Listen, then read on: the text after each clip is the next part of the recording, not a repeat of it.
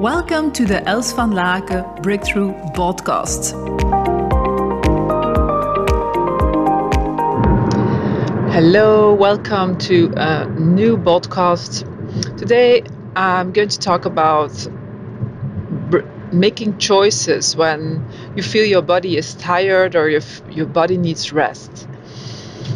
Um, well, how many of you recognize that your body doesn't give signs and you still go on? Or you think like, you know, you need to finish that product project or things are not going to move forward or you're not going to be able to do that program or that services of, of that product. I guess many of you also recognize maybe it's even it's kind of like after COVID, after Corona time, where everything is exploding again, and we are more than back into that rat race. And I don't know if there's something that we are still digesting from from COVID, from that period of lockdown, and I don't know, probably we do, but we are not so conscious about it within our system, within our unconscious mind, within our inner feelings. So that could be. I was super happy, in fact, uh, starting back after seven weeks of holiday in the summer to start back on the 1st of September. All uh, beautiful companies were starting back again with offline trainings and Yes to Trust.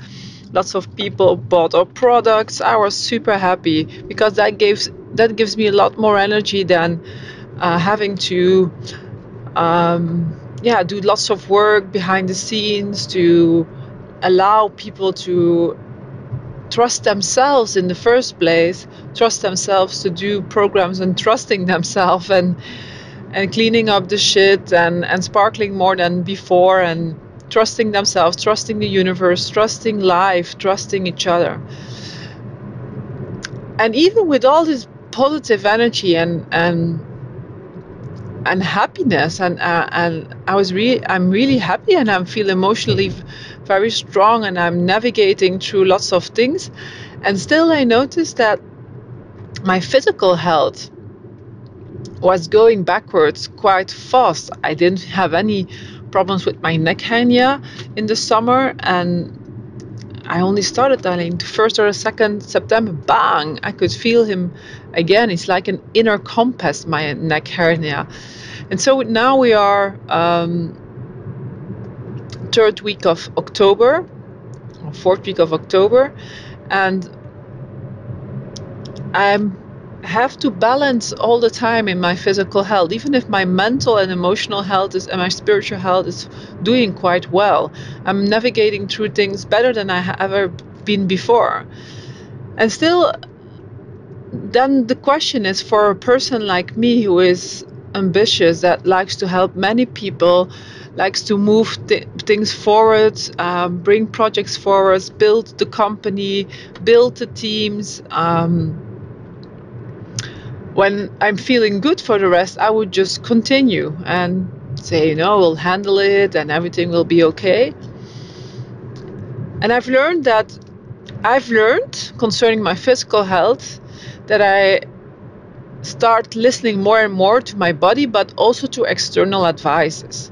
Because if i i do notice that my body is for example getting ill or you know i get uh, like i don't know how you say that like this like blister on your lip uh, because of your immune system that isn't great uh, or my or you know my my left um, shoulder got blocked because of my neck hernia.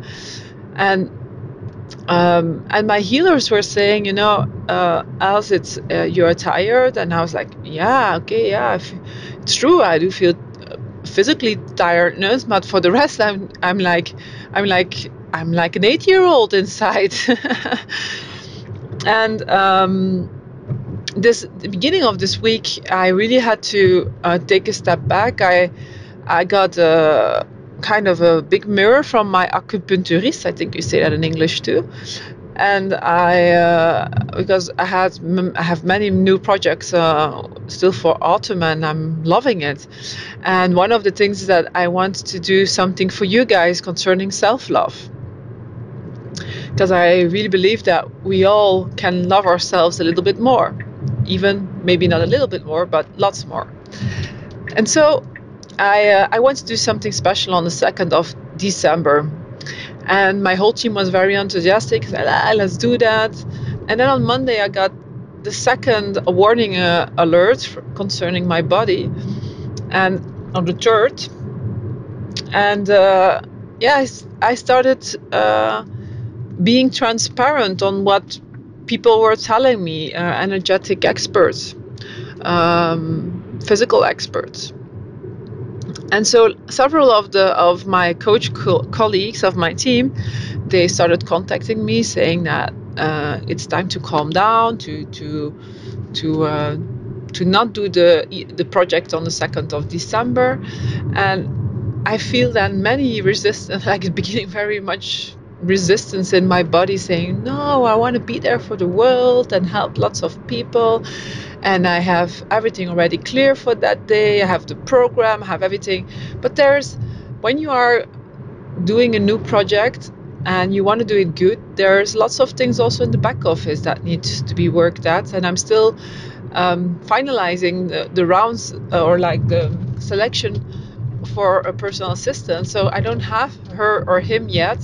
So that means many of the things I'm concerning creating content I'm doing myself. And luckily, I also have lots of other people helping me out on the execution. But concerning content creation, it's mostly me. So it was a tough choice, but on on Monday evening, I decided I'm not going to do that project, or I'm at least not going to do it for the 2nd of December. I'm going to look for January or February. And maybe some of you who are listening understand what I'm talking about because some of you could think, yeah, but when there's a physical problem, you just listen to your body and it's and it's finished, and, and you just you, you just listen and, and point it was really an act of self-love to um, to really this um, uh, postpone the project. But I was wondering, you know, how many of you recognize it that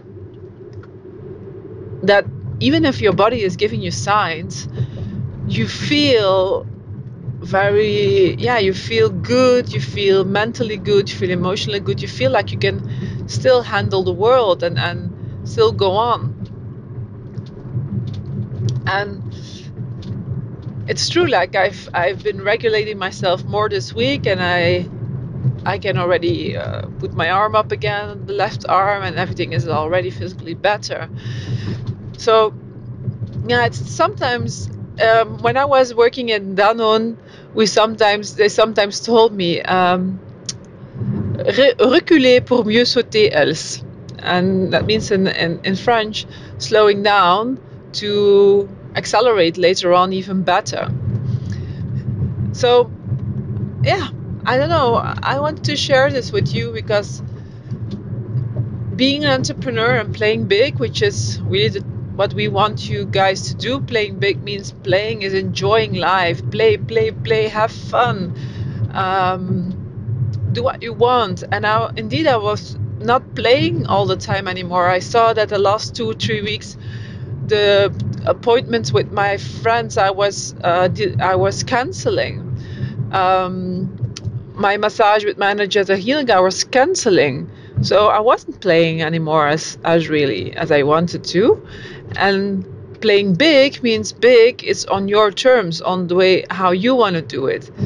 So yeah, I, I love to create new projects. What I don't love is do all the back office and uh, yeah make uh, mails to announce things um, all, all these kind of things we are behind the scene um, i love to work be- before the scene but behind the scene i notice that it's giving me stress because you have to think about everything because everyone needs to be briefed and and you have to think you have to brief them on everything and sometimes people do not think also um, a step further. Just a, a very stupid example. We we recruited. Uh, uh, there were people from Sweden in our masterclass uh, yesterday, uh, and then no one of the team thought about ah, or at least there's only one person working on on the on on everything which is uh, which is uh, payment links, but no one made a reflection on oh there's people from Sweden so we have to add Sweden in our payment system So like half, three quarter of an hour before the masterclass starts, I check and I see, oh my god, there is no Sweden in the payment link. And then of course people cannot react like in in a half an hour and fix things just uh, in the evening.